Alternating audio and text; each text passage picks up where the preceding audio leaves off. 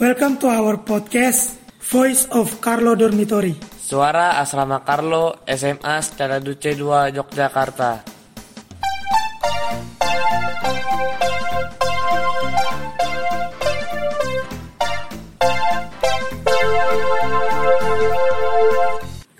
Salam Tarakanita. Satu hati, satu semangat. Tarakanita, yes!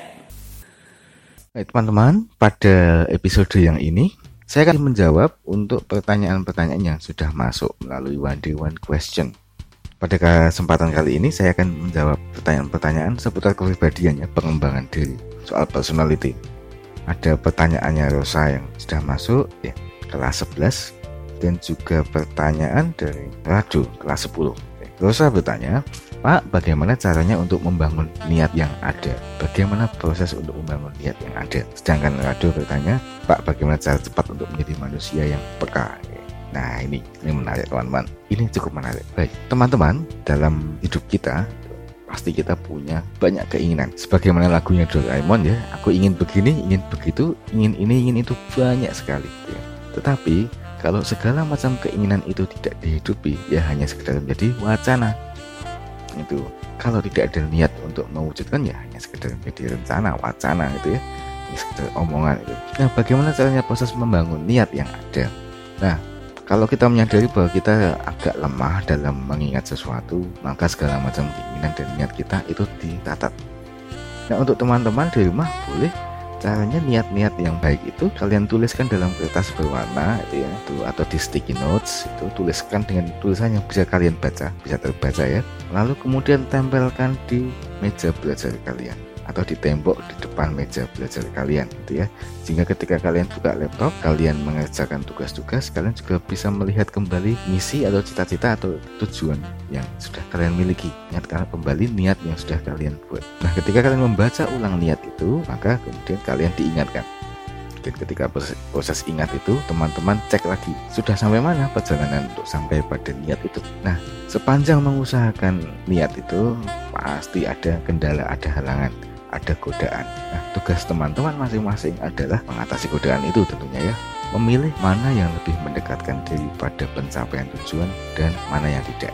Tentu saja kita pilih yang sesuai dengan tujuan kita. Jadi kalau kita ibaratnya niat mau pergi ke Jakarta gitu ya, ya kita sudah siap tiketnya mana atau kalau mau naik mobil ya mobilnya sudah siap atau belum.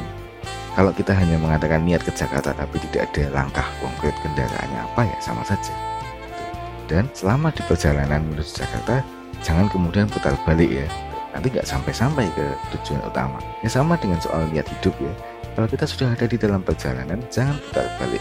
Teruskan sampai mencapai tujuan. Dengan begitu kita akan mencapai pada kepuasan karena kita bisa memenuhi keinginan kita Nah selain niat juga tentu kita juga mohon pada Tuhan, rahmat Tuhan, dan juga mohon berkat Tuhan. Kenapa? Karena kita menyadari bahwa tidak semua hal bisa kita kerjakan. Ada hal-hal yang kita membutuhkan rahmat Tuhan. Ada hal-hal yang tidak terduga.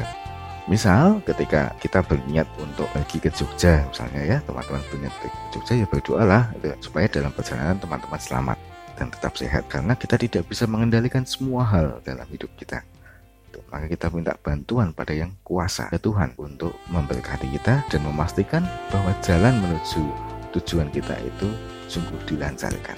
Jadi selain kemudian usaha konkret ya harus ada doanya juga ya.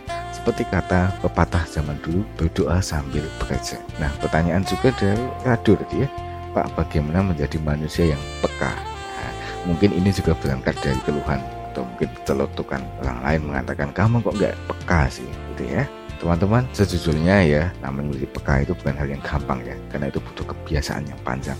Konon katanya teman-teman yang laki-laki sering kali dikritik ya oleh teman perempuan bahwa kamu kok nggak peka ya.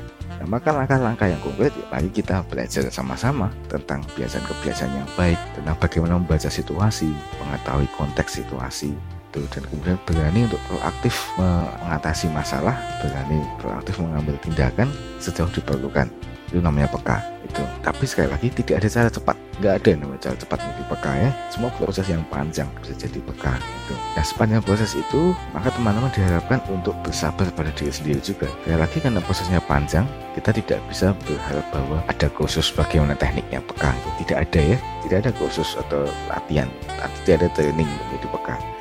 Yang melatih ya hidup kita sendiri, kenyataan hidup kita dan diri kita. Ya, baik teman-teman, saya kira demikian untuk pertanyaan yang sudah diajukan, itu yaitu tentang kepekaan dan juga tentang membangun niat. Bagi teman-teman yang ada di rumah yang ada pertanyaan-pertanyaan, segera masukkan dalam one one question. Gitu. Jangan takut menanyakan apa pun, karena kuncinya adalah bagaimana kita berani untuk bertanya atas segala sesuatu yang belum kita ketahui. Ya, selamat belajar, tetap semangat di rumah, tetap jaga kesehatan, sayangi orang tua dan keluarga ya. Salam Tarakanita, satu hati, satu semangat, Tarakanita, yes!